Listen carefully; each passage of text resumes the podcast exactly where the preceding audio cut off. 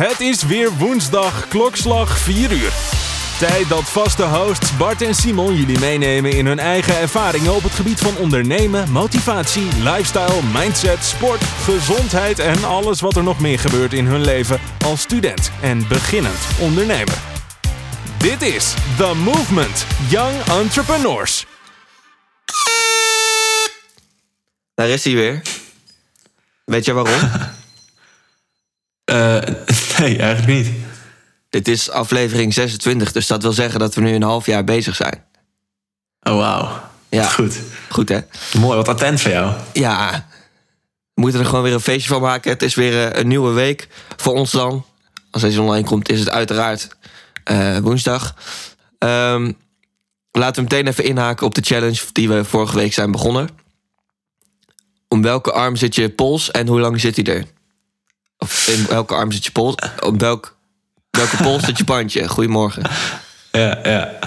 Ehm, hij zit op mijn linker, momenteel. Oké, En hij zit daar nu voor anderhalf dag. Ehm, oké. Dus eh, ik, ik, ik zal zo even vertellen waarom. Maar ik ben benieuwd welke zit hij voor jou dan? Bij mij Rechts, links? Bij mij zit hij ook op links. Oké. En Oh, mooi. daar zit hij al eh, ruim zeven dagen. Zo. Ja, dat is goed hè? Gewoon si- sinds vorige week. Oké, nice. Goed gedaan. Ja, sinds, eh, ja, sinds vorige week maandag inderdaad. En ehm, ik, ja, het lijkt erop dat ik het wel redelijk onder controle heb. Maar eh, het kan zomaar in een onverwachts momentje eh, toch over zijn. Maar nee, het, het gaat wel goed. En de mensen die ik heb gezien, daar heb ik er ook over verteld. En die vinden het op zich wel grappig. En die hebben dan ook stellen snel de vraag van... maar ehm, ja, mag je dan wel dit? Of mag je dan wel dit? Zeg maar, dat, dat vragen ze dan heel snel. Zoals, maar als je het dan over iemand hebt, positief, eigenlijk is dat ook roddelen, toch? En dan zeg ik, nou ja, nou. In onze definitie van roddelen staat dat, eh, dat je er negatief eh, over moet uitlaten. Maar, ehm, nou ja, wel grappig. Dus ik hoop heel erg dat, ehm, dat ik het nog even twee weken door kan trekken. Maar dat gaan we nog wel zien. Maar vertel, jouw, eh, jouw slip-up. Wat is er ja, gebeurd? ehm, wat is er gebeurd? Ehm, om eerlijk te zijn gaan die, gaat het klagen en het achter mensen rug ompraten gaat echt goed. Ik, ik, ik- volgens mij had ik dat ook vorige week aangegeven... dat ik niet echt verwachtte dat, dat, dat ik daar de meeste fouten in zou maken. Maar, maar het schelden, ja, dat, dat is wel... ik, ben er wel achter gekomen dat het een soort van deel is van mijn dagelijkse vocabulaire of zo. Ja. Of als ik bijvoorbeeld eh, een nadruk wil leggen op een woord of op een zin, dan, dan komt daar snel een, eh, zo'n woord in voor. Ja, ik mag het natuurlijk niet zeggen, maar gewoon een, een woord in voor Om kracht bij te zetten. om een beetje kracht bij te zetten. Ja, en, en, en ook heb ik afgelopen week wel iets meer, eh, iets meer gefeest. Dus iets, ik was ook eh, ja, gewoon iets meer bier gedronken. Ja, en dan, dan gaat het ook makkelijker, ga je makkelijker de fout in. Ehm, maar goed, eh, anderhalf dag. eh, ik denk dat, dat, het, dat een doel eigenlijk van deze challenge al, al is bereikt. Het feit dat je überhaupt eh, erachter komt van dat je best vaak scheldt of dat je best vaak roddelt. En daar ben ik me nu wel zeker meer van bewust. Ja, Ehm, nice. Maar goed, ja, veel schelden, ja. Nou ja, het ding wat, wat ik een beetje heb is dat wij hier in huis sowieso het wel grappig vinden om soms dingen te beschrijven met meer en moeilijkere woorden dan nodig is. Oké. Dus op het moment dat ik iets vervelend vind, dan omschrijf ik dat ook op een andere manier dan dat ik een scheldwoord gebruik. Dus dat Mhm. voelt niet heel, heel raar per se. Dus dat maakt het wel iets makkelijker. Ja, oké, ja. Ja, en bij- ons in huis zijn de, zijn de scheldwoorden erg in eh, populariteit, zijn erg in trek. Dus, maar goed, maar goed eh, het gaat wel steeds beter. Het gaat, gaat steeds beter. Mooi. Volgende week weer een nieuwe update. En dan eh, sta je hopelijk op 8,5. Zo, dat zou mooi zijn, ja. Leuk. Oké. Maar we gaan het vandaag niet alleen over, eh, over het vervolg van de challenge hebben. We gaan het namelijk ook over iets anders hebben. En dat is. Ja, e- eigenlijk een boek. Ik, ik heb niet echt een precieze mooie, mooie titel of naam voor. Maar het gaat eigenlijk over hoe je stressvrij Het, het boek heet The Art of Stress-Free Productivity. Volgens mij is het heel populair. Ik weet niet of jij het ook hebt gelezen. Nee. Getting. Things Done. En eh, ja, het gaat gewoon heel erg over hoe, hoe jij jouw werkzame leven, maar bijvoorbeeld ook ernaast, gewoon eigenlijk alle activiteiten die je doet, hoe je die eigenlijk gewoon overzichtelijk voor jezelf neer kan zetten, hoe je het best kan plannen, hoe je het best kan organiseren en eigenlijk hoe je een stressvrij leven kan hebben waarin je dus wel heel veel activiteiten doet en dus productief bent.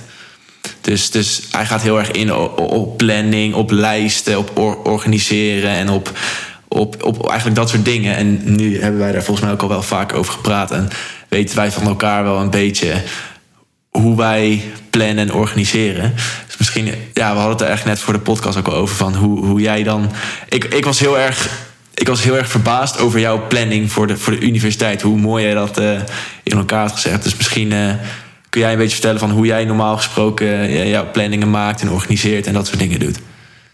Ja, dankjewel voor het compliment allereerst. Ehm, ja, dat, dat verschilt natuurlijk wel heel erg per, eh, per periode. Nu komen dan weer tentamens eraan dan heb ik twee deadlines. Dus dacht ik, oké, eh, ik maak even voor de komende tijd een eh, soort van Excel-bestandje met, ehm, nou ja, de komende weken, elke dag van de week, waar ik in kan zetten, oké, dit, dit, dit moet dan gebeuren.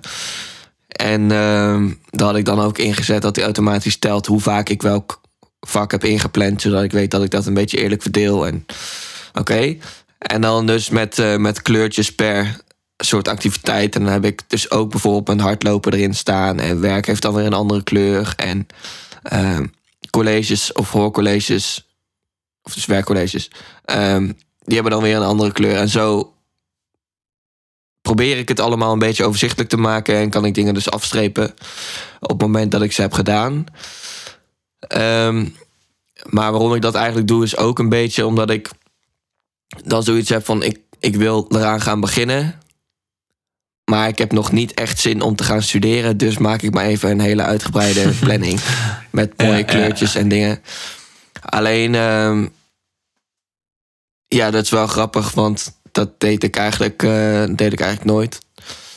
Eh, of tenminste wel planningen maken voor eh, toetsweken. Dat heb ik wel eigenlijk altijd gedaan. Niet altijd per se Mhm. aangehouden, maar wel altijd de planning in ieder geval gemaakt. En nu, ehm, ja, nu gewoon iets uitgebreider. Omdat ik dat en gewoon eigenlijk ook leuk vind om te maken. En omdat het wel handig is eh, om, eh, om alles een beetje op rijtje te hebben. Maar wat ik eigenlijk elke dag en elke week doe, is nog steeds gewoon de to-do-lijst op mijn whiteboard.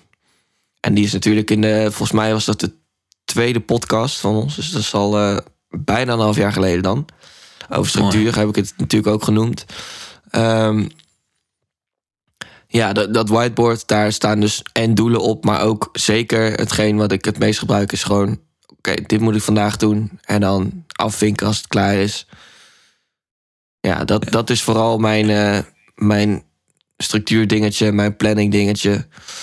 Ehm, En, en- en Bart, ben, ben jij iemand die, die wel eens snel dingen vergeet die je moet doen?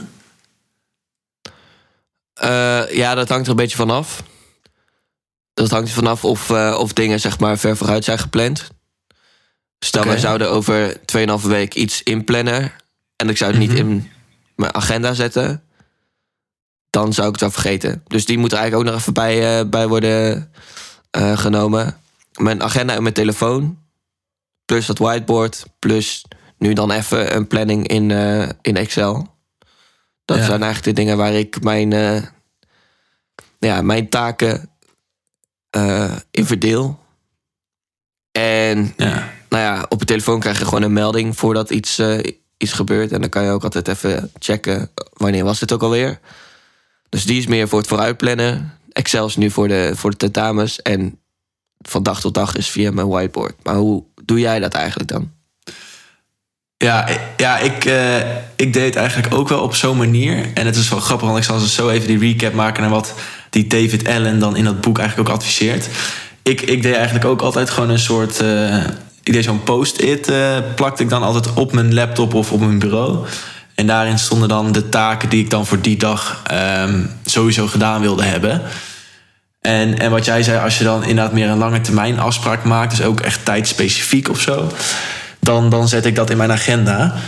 Ehm, en daar kreeg ik dan inderdaad een melding van een dag van tevoren of zo. En dat, dat, dat was meer dus inderdaad voor die, voor die afspraken die je dan echt op een bepaalde tijd maakt. En op het moment dat je dan eigenlijk even niks te doen hebt, zeg maar tussen aanhalingstekens, dan ga je dat lijstje op die post-it ehm, afronden, afmaken. Ja, precies. Ehm, ja, en, wat dus die David Allen eigenlijk in dat boek zegt. Hij zegt dus eigenlijk hetgeen waar je als werknemer of persoon veel stress van krijgt, als het gaat om plannen en organiseren, is het feit dat je iets, jezelf iets herinnert van, oh, ik moet nog dit of dit of dit doen. Dat, dat je dus realiseert, vervolgens ga je weer verder met de activiteit die je op dat moment aan het doen bent. Laten we zeggen, een podcast opnemen. En vervolgens ben je klaar met die podcast. Wil je eigenlijk aan die ene activiteit beginnen die je had herinnerd. Maar weet je niet meer wat het was. En daardoor ga je weer iets anders doen. En op een gegeven moment, snap je, gaat de tijd natuurlijk verder. En komt er steeds minder tijd voor die activiteit die je had herinnerd. Dus, dus hij zegt eigenlijk hetgeen waar je stress van krijgt... is gewoon die dingen herinneren, maar vervolgens vergeten om die te doen. En, hij, en hij heeft daar dan een, een, heel, een heel stappenplan voor gemaakt van je, moet gewoon ervoor zorgen dat op het moment dat jij zo'n gedachte binnenkrijgt, daar moet je sowieso één bewust van worden. En twee, je moet gewoon zorgen dat je het ergens op kan schrijven, zodat je het dagelijks kan zien. En hij zegt, het, het, een van de simpelste en meest effectieve, effectiefste moeilijk manieren ehm, om dat eigenlijk te doen, is om inderdaad gewoon een A4'tje op je bureau te hebben of een post-it note, waar je dat soort gedachten op kan schrijven. En dus wat jij hebt, zo'n to-do-lijst, of wat ik heb, zo'n post-it, is dus eigenlijk, eigenlijk, is dus eigenlijk al gewoon een manier om dat, om dat te doen. Ehm, en dat is dus eigenlijk al een van de beste tips die je zou kunnen hanteren. En hij zegt, die post-its en die lijsten zijn dus inderdaad echt heel erg voor activiteiten die je op je to-do-lijst staan. Dus de volgende activiteit die je zou kunnen doen, moet op die lijst staan. En de tijdspecifieke afspraken, die moeten inderdaad echt in agenda's. Ja. En dat onderscheid moet je echt hebben. Want ik heb bijvoorbeeld ook vaak podcasts geluisterd van, van andere mensen of boeken gelezen. En waarin ze juist adviseren: zorg er nou gewoon voor dat die agenda helemaal vol staat. Zorg er gewoon voor dat op elk uur van de dag je eigenlijk een activiteit hebt staan. Dus bijvoorbeeld, we gaan van 9 tot 10 een podcast opnemen. En we gaan van 10 tot 11 ga ik werken aan dit. En van 11 tot half 12 gaan we lunchen. Half 12 tot 1 gaan we hier aan werken.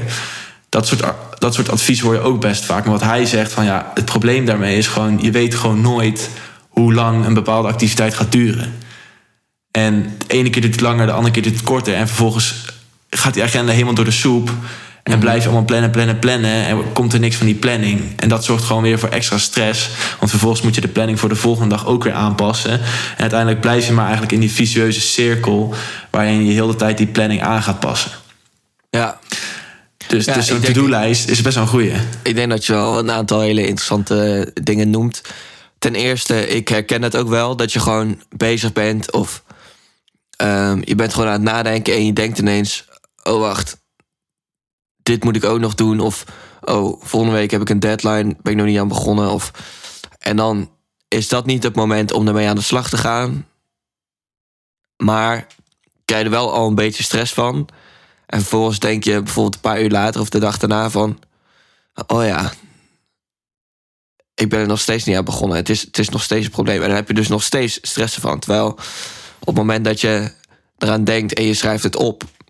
en stel je bent dan klaar met waar je mee bezig bent of was... en ehm, je plant meteen in wanneer je eraan gaat werken... dan is dat stressmoment... dat is best wel weg. Want je weet, oké, ik ga er niet nu aan zitten... maar Het is opgeschreven. eh, ik ga er dan aan zitten. Ik heb het al wel ingepland. Oftewel, een soort van probleem opgelost. Dan, Ja. moet dan moet je het ook nog echt gaan doen, natuurlijk. Maar het zit in ieder geval niet meer in je hoofd. Dus kan je weer door en is er weer extra ruimte vrij om gewoon na te kunnen denken over hetgeen waar je mee bezig was. Mhm. Ehm, en ja, ik, ik heb dat je hele dag inplannen in slots van een half uur heb ik wel eens geprobeerd. Tijdens, dat was ook voor tentamens geloof ik. En ik heb wel het idee dat ik veel gedaan heb toen. Maar ik vond het zeker niet stressvrij. Inderdaad, zoals je zei, ehm, het is onmogelijk om van tevoren in te schatten hoe lang je ergens mee bezig bent. Mhm. En stel, je hebt ergens anderhalf uur voor genomen en na een uur en een kwartier ben je klaar. Ga je dan nog iets anders doen om die taak eh, uit te breiden, waardoor het binnen anderhalf uur past? Of ga je alvast met je volgende taak beginnen? Dan uiteindelijk kom je ook gewoon voor keuzestress. En kan het ook zo zijn dat je dat laatste kwartier niet nuttig invult, terwijl als je het gewoon had gedaan en je hebt nog iets anders op je to-do-lijst staan en je gaat daarmee aan de slag, dan verspil je minder tijd. Dus ik weet niet of het nou uiteindelijk echt eh, mega goed werkt, maar als je even discipline nodig hebt, dan, dan doe je in ieder geval meer dan als je het zomaar je to-do-lijst zou afwerken. Ja, Ehm. wat, wat, hij, wat, wat hij ook over die planning inderdaad zegt, is de kracht ervan is natuurlijk wel dat je heel, je kan voor jezelf indelen wat de meeste prioriteit nodig heeft. Dus bijvoorbeeld, oké, ik moet echt dit en dit en dit doen. Dus dat ga ik van 9 tot 10 uur doen. Daar begin ik mijn dag gewoon mee. En dat is natuurlijk wel echt een kracht van zo'n agenda-structuur. Maar hij zegt inderdaad ook, in zo'n agenda heb je gewoon nooit het, totale plaatje, het hele overzicht. En als je echt alles op zo'n lijst hebt staan, en het is trouwens niet één lijst, hij verdeelt die lijst allemaal in specifieke onderdelen, dan heb je gewoon altijd iets om op terug te vallen. Dus, dus hij, hij maakt bijvoorbeeld een onderscheid tussen een soort van next list, een nu-lijst. Dat zijn dus activiteiten die je eigenlijk vandaag kan doen op het moment dat je misschien denkt van ik heb even niks te doen. Dus echt gewoon je volgende lijsten. Maar hij heeft bijvoorbeeld ook een, een, een waiting for of een reference list. En wat hij daarmee bedoelt is bijvoorbeeld stel dat je nu een e-mail binnenkrijgt van... ehm, stel, ik, heb jou bijvoorbeeld wat werk gestuurd en jij moet dat controleren. Maar ja, ik heb natuurlijk geen flauw idee wanneer jij dat werk gaat, wanneer jij dat werk gaat doen, wanneer je dat gaat controleren. Maar ik moet wel op jou wachten. Dan kan het dus best wel veel stress geven als jij op jouw nu-lijst zet ehm, reageren op Bart. Snap je? Want ik heb geen idee wanneer jij reageert. En als ik telkens die activiteit op die lijst zie staan, dan ben ik heel de tijd afhankelijk van wanneer jij dat terug gaat sturen.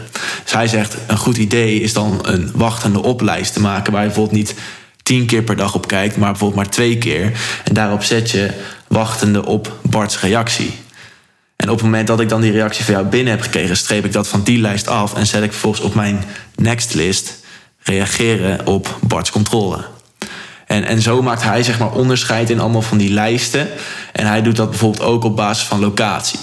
Dus, dus hij zegt bijvoorbeeld van... je hebt bijvoorbeeld bepaalde activiteiten... die kun jij thuis doen als je bijvoorbeeld op kantoor zit. Maar je hebt bijvoorbeeld ook alleen maar activiteiten... die je kan doen als je bijvoorbeeld bij je ouders bent.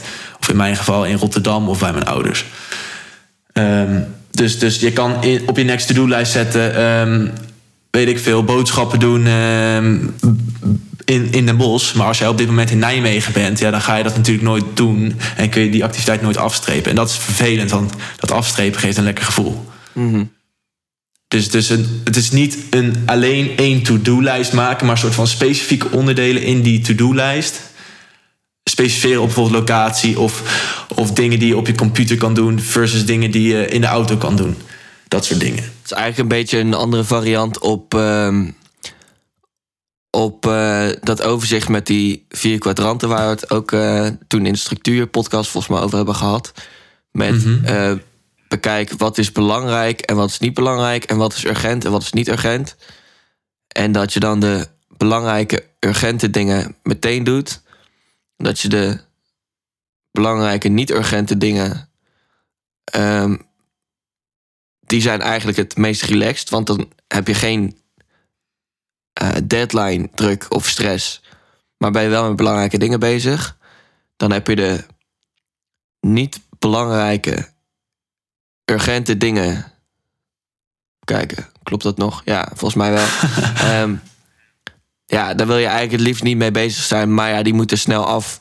Eh, dus zou je kunnen zeggen: oké, die maak ik nu af. Maar ik zorg dat daar geen taken meer op mijn bord van komen. En heb je de niet belangrijke, niet urgente dingen. Dus dingen die nou, ja, gewoon niet zo belangrijk zijn, maar ook niet op korte termijn afhoeven. Ja, het liefst hou je daar natuurlijk helemaal niet mee bezig. En zou je die taken aan iemand anders eh, geven of eh, uitbesteden of wat dan ook. Dus inderdaad, het, hetgeen wat we daaruit kunnen halen is denk ik... een to-do-lijst is leuk. Maar je kunt nog een stapje verder gaan door binnen die to-do-lijst te organiseren en een soort van ranking te gebruiken. Van wat zijn nou de belangrijke dingen eh, die ik gewoon nu moet doen? Ja. Kan ik die ook nu doen? Zo niet, zet ze even ergens anders neer, want anders dan leidt het je af of brengt je alleen maar stress. Ehm, wat zijn de dingen die ik op dit moment hier zou moeten doen? ja. Als je En die al op een rijtje zou kunnen zetten, dan kan je al meteen aan de slag. Ik, ik, ik vond, dat heb ik volgens mij ook van jou en dat had ik ook een keer in zo'n cursus gehoord. Als jij inderdaad nog niet echt goed van jezelf die dingen op een rijtje kan zetten, kun je ook die, die, die kleurencoderingen gebruiken die jij ook vaak in die documenten doet. Dat bijvoorbeeld dingen, als je ze bijvoorbeeld geel arceert, is dat minder urgent dan wanneer je iets rood arceert. Snap je? Zo kun je voor jezelf bijvoorbeeld urgentere taken, die dus echt zo snel mogelijk moeten worden gedaan, kun je of bovenaan een lijst zetten of juist onderop. Maar je kan ze bijvoorbeeld Ja. ook eh, een kleurtje geven. En, en wat, je, wat jij zei, hè, van je weet gewoon voor jezelf wat je kan doen op dit moment als je op deze locatie bent. Hij zegt ook een hele goede om gewoon je hoofd leeg te maken is. Stel jij in- identificeert zo'n activiteit of er komt zo'n gedachte op van oké, ik moet nu eigenlijk ook nog dit doen. Kost die activiteit minder dan twee minuten, moet je hem direct doen. En, en dat geeft gewoon, dat heb ik toevallig afgelopen week ook heel erg ehm, in, mijn, in mijn dagelijks leven proberen eh, te doen eigenlijk. En dat is wel echt heel lekker. Want ja, twee, wat is twee minuten? Snap je? Het kost, het kost echt geen tijd. Maar je bent wel meteen van die taak af en je kan hem wel meteen afstrepen. Dus dat is op zich ook, wel, ook wel een goed gevoel. En hij zegt van, al, al neem je maar één ding uit dit hele boek mee... is die twee minuten regel... Dan, dan kan dat zoveel rust geven in je hoofd. Ben wel benieuwd van, heb, heb jij ook zoiets wat je dan misschien onbewust ook doet? Van stel, iets, ik weet dat iets maar 30 seconden duurt, dan doe ik het meteen. Of ben je dan wel iemand van, nee, ik maak eerst mijn taak af en begin er daarna pas aan? Nou, als ik ergens mee bezig ben en ik bedenk me dat ik iets kleins moet doen. Dus dat is eigenlijk een beetje dezelfde situatie als eh, nou ja, waar we het toen net over hadden. Maar dan eh, een kleine taak. Dan schrijf ik hem vaak toch op mijn whiteboard. Als, als ik denk van ja, het moet wel echt gebeuren. En ook al is het maar even een kleine taak.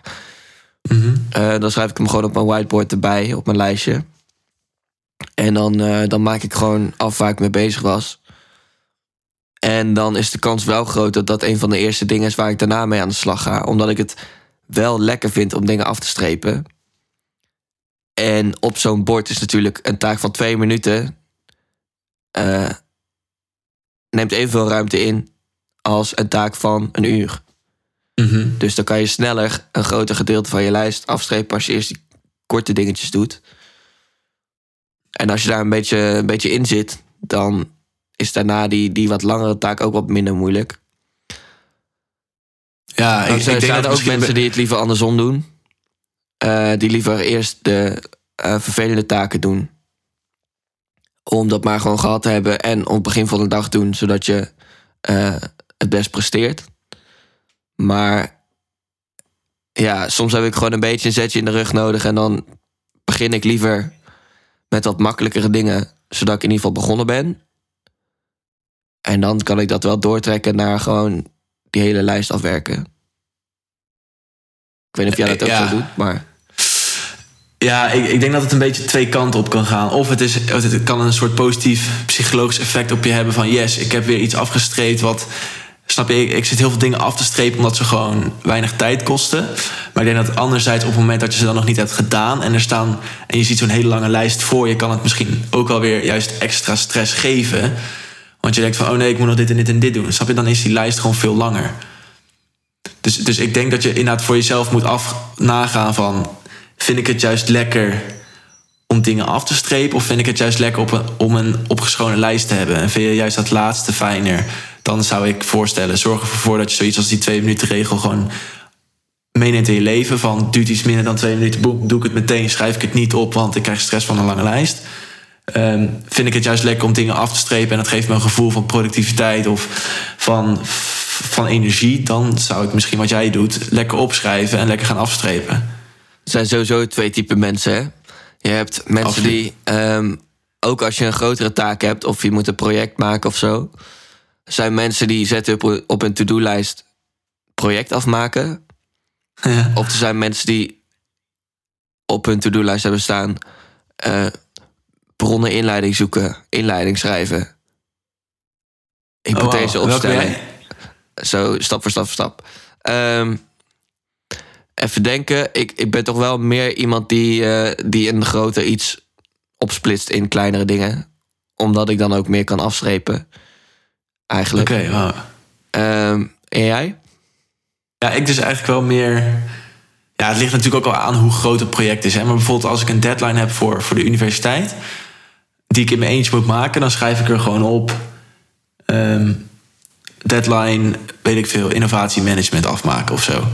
Dan schrijf ik het inderdaad wel in zijn geheel erop. Maar is het echt een, een weet je wel, zoals wij, een, een, een supergrote opdracht waar je niet binnen een week klaar mee bent, ja, dan, dan deel ik het wel op. Maar als ik gewoon weet van ik kan dit binnen acht uur fixen, dan zet ik het er denk ik wel in zijn geheel op, ja. Ja, ja. Ik ook wel meer op die manier dan echt stap voor stap hoor. Ik bedoel, toen ik al die video's moet, moest editen, toen had ik op mijn to-do-lijst gewoon editen staan. En niet deze en deze en deze video editen. En daar de, de eh, powerpoints bij maken. En daar de eh, grafieken bij maken. En die dan erin zetten. Nee, dan hou je Nee. jezelf ook een beetje uit je workflow. Om dat dan weer af te moeten strepen, bij wijze van spreken. Ehm, dus er zit, ja, het zit er een beetje tussenin. Maar een grappige uitspraak die ik wel eens heb gehoord is... eh, de enige die jouw agenda vol maakt, dat ben je uiteindelijk zelf. Want je koopt hem leeg. Dus als je denkt van ja, maar mijn agenda is zo overvol. Misschien is het dan handig om te kijken of je niet beter kan focussen op prioriteiten. Dan eh, klagen dat je agenda te vol is. Want daar ben je wel zelf bij. Uiteindelijk ben jij degene die dingen in je agenda zet. Weer die En tuurlijk- 80-20 eh, regel. Ja, ook wel. Maar uiteindelijk, tuurlijk, er zijn ook altijd dingen die je moet doen die eh, een soort van buiten je macht liggen. Als een deadline of eh, een tentamenweek. Daar heb je heel weinig keus, in principe. Mhm. Alleen, dan kan je er ook voor kiezen om dat dus even als prioriteit te hebben. Dat, dat doe jij ook wel, volgens mij. Eh, en dan te zeggen, oké, tentamens komen eraan. Dus een aantal andere dingen die ik normaal doe... die moeten even ruimte maken voor die tentamens. Want anders Ja. dan zit mijn dag gewoon te vol. Of eh, ben ik te weinig met mijn tentamens bezig. Of wat dan ook. Dus natuurlijk is het indelen van je dingen die op je to-do-lijst staan... eh, kan handig zijn. Maar in eerste instantie zouden sommige dingen... misschien überhaupt niet op die lijst moeten staan. Ja, ja, ja, eens. Eh, eh, Wat, wat jij zegt van. je- jij bepaalt natuurlijk zelf wat je doet en wat je niet doet. En, en ik bedoelde met die 80-20 regel van iedereen weet wel gewoon van welke 20 dingen 80% van de, van de productiviteit eh, veroorzaken. En als je dat gewoon op een rijtje hebt, dan kun je makkelijker foutieve acties van die lijst afhalen. Omdat je gewoon weet, het heeft mijn aandacht niet nodig. en dat daar gaat hij. Ja, ik, ja, wel. Soms denk ik van, nou, ik moet eigenlijk dit doen. Maar ik weet gewoon van, nou, het heeft niet echt heel veel... Het kost me heel veel energie zonder dat het me heel veel resultaat brengt. Dan zet ik dat wel onderaan mijn lijst. Terwijl andere dingen waarvan ik weet dat, ja, dit gaat me heel veel resultaat bieden... zet ik bovenaan die lijst. Ja, oké. ja. Dus daar ben, ik, daar ben ik me wel bewust van. En hij, hij zegt ook in zijn boek van... Weet je, ook gewoon nu met die digitalisering. Er, is gewoon zo, er zijn zo enorm veel keuzes te maken. Volgens mij hebben we dat ook wel eens eerder benoemd in onze podcast. Van je hersenen kunnen maar gewoon een, maximum aantal goede, keu, rationele keuzes maken. En dan op een gegeven moment is je hoofd gewoon vol. Ben je te moe. En hij zegt gewoon een ander puntje waarop je gewoon die energie kan besparen... is gewoon ervoor zorgen dat je gewoon een gestructureerde en een schone werkomgeving hebt. En nu weet ik toevallig dat jouw bureau in Nijmegen... ik weet niet of dat nu op dit moment ook is... een redelijke bende is. ja, Ehm, toevallig is dat in dit geval, eh, of op dit moment ook zeker het geval. Ja. Ja. Ja, zegt, hij zegt van... Yo, neem gewoon oprecht even een dag de tijd om alles leeg te maken... om alle papieren die je niet meer nodig hebt weg te gooien... of te, in bepaalde mapjes te doen met, met, met post-it notes... van dit is voor dit en dit is voor dat. En dat sluit natuurlijk ook weer aan bij die lijst... omdat je gewoon georganiseerd op een rijtje hebt van... wat moet ik doen en wat heeft wel of niet mijn aandacht nodig... kun je gewoon die energie besparen op nutteloze dingen. En tijdens het lezen van het boek ben ik dat een beetje gaan doen. En ik ben van mezelf al best wel een georganiseerd persoon. Maar ik ben gewoon inderdaad losse papieren weg gaan gooien of dingen op gaan ruimen. En nu is mijn bureau waar ik dus nu achter zit, is eigenlijk gewoon helemaal leeg. Behalve dan microfoon en eh, laptop en eh, die lijst. En, en daardoor hoef je niet meer, oh shit, ik heb hier nog papier. Oh, nu zit ik trouwens weer te schelden. Van, oh, uh, kak, ik heb hier weer een papiertje liggen van, moet ik dit nog doen wel of niet? Snap je, die keuzes minimaliseer je dan. Mhm. En ik denk dat dat ook wel minder stress geeft. Ja, potentieel. Ik heb het toen toch ook een keer getest van... als ik mijn kamer een week lang opgeruimd hou... Mhm. Ben ik dan productiever of vind ik het dan makkelijker om productief te zijn en om een vast ritme te hebben en zo? Dat heeft die week toen eigenlijk geen invloed erop gehad. Maar ik denk over het algemeen dat een opgeruimd bureau wel helpt in het verminderen van afleiding. En het beter kunnen focussen op hetgeen waar je nou echt mee bezig bent. Dus uh, ik voel een klein beetje een uh, nieuwe taak op mijn to-do-lijst aankomen eigenlijk. ja. Misschien. Maar in, ja, er, zijn, er zijn in ieder geval een heel aantal dingen die je kan doen om dus wat meer gefocust werk te, gaan, te kunnen gaan, wat meer stress te kunnen vermijden. Uh, misschien een ding die daarbij kan is, uh, ik, ik gebruik het zelf niet, maar je zou het kunnen gebruiken, een, naast je to-do-list een not-to-do-list. Oh, mooi. Een lijst met dingen die je dus niet moet doen op die dag. Die je normaal gesproken wel doet. Omdat je je verveelt. Of omdat je, om welke reden dan ook, uh, iets doet wat jouw productiviteit in de weg zit. Als je daar bewust van bent, zou je die ook erbij kunnen zetten van... Let er ook op dat je dit niet doet. Zoals uh, een aantal spelletjes die je op je telefoon hebt staan. Dan even, oké, zet je op je lijst van, oké, niet spelen tussen 9 en 5 bijvoorbeeld. En daarna mag het wel. Misschien dat je op die manier ook uh, een meer een klein gedeelte van je dag heel productief kan maken en het daarna weer een beetje los kan laten. Misschien ook een leuk om te testen. Ja. Ja, ik denk dat iedereen zijn eigen voorkeur heeft. En toevallig gaat mijn persoonlijke voorkeur gewoon naar opgeruimd, geeft mij rust. Um, maar ja, als jij dat niet hebt, als jij denkt van ik heb liever gewoon alles bij de hand en uh, dat, dat geeft mij juist meer rust, dan is dat gewoon jouw tactiek. Iedereen zijn eigen ding, toch? Zeker. Maar wel mooi dat we in ieder geval een klein beetje contrast ook hebben hier in, uh, in dit gesprek. Dat hopelijk uh, de mensen die dit luisteren zich in ieder geval met een van ons twee goed kunnen identificeren. Of gedeeltelijk met mij en gedeeltelijk met jou. Dat kan natuurlijk ook. Ehm, als je zelf nog andere tips hebt, laat het ook even weten. Dan uh, kunnen we die de volgende keer alsnog gewoon even noemen. Of uh, kunnen we ze zelf gaan uitproberen. Mocht je andere onderwerpen hebben nog steeds waar, waar wij het over kunnen hebben. Of waar je ons over wil horen. Dan laat het ook zeker weten. Slechte grappen, die uh, staan ook al een half jaar in de outro, maar die hebben we ook nog niet binnengekregen.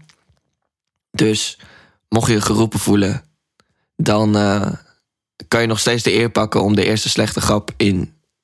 Nou, trouwens, dat is niet waar. Ik denk dat wij eerder ook wel slechte grappen hebben gemaakt, maar in ieder geval de eerste slechte grap van een luisteraar. Die kan je dan ook lekker op je naam schrijven. Voor de rest um, zou ik zeggen, geniet nog lekker van de rest van je week. En uh, geniet ook van het lekkere weer wat er weer aan zit te komen. Volgens mij, toch? Mm, vrij grijs volgens mij hoor. Maar volgens mij wordt het wel iets warmer. Dus, uh... Oké. Nou, geniet dan lekker van de warmte. En dan kan je volgende week weer genieten van de warmte van onze heerlijke stemmen. Tot dan. Oh, mooi, mooi. Dit was The Movement voor deze week. Vond je het een waardevolle podcast? Deel hem dan even in je Instagram story en tag at The Movement Young Entrepreneurs. Heb je nog leuke vragen, onderwerpen of slechte grappen die je bij ons terug wil horen? Stuur ons dan een DM en hopelijk kunnen we je de volgende week weer verblijden met een nieuwe aflevering van The Movement.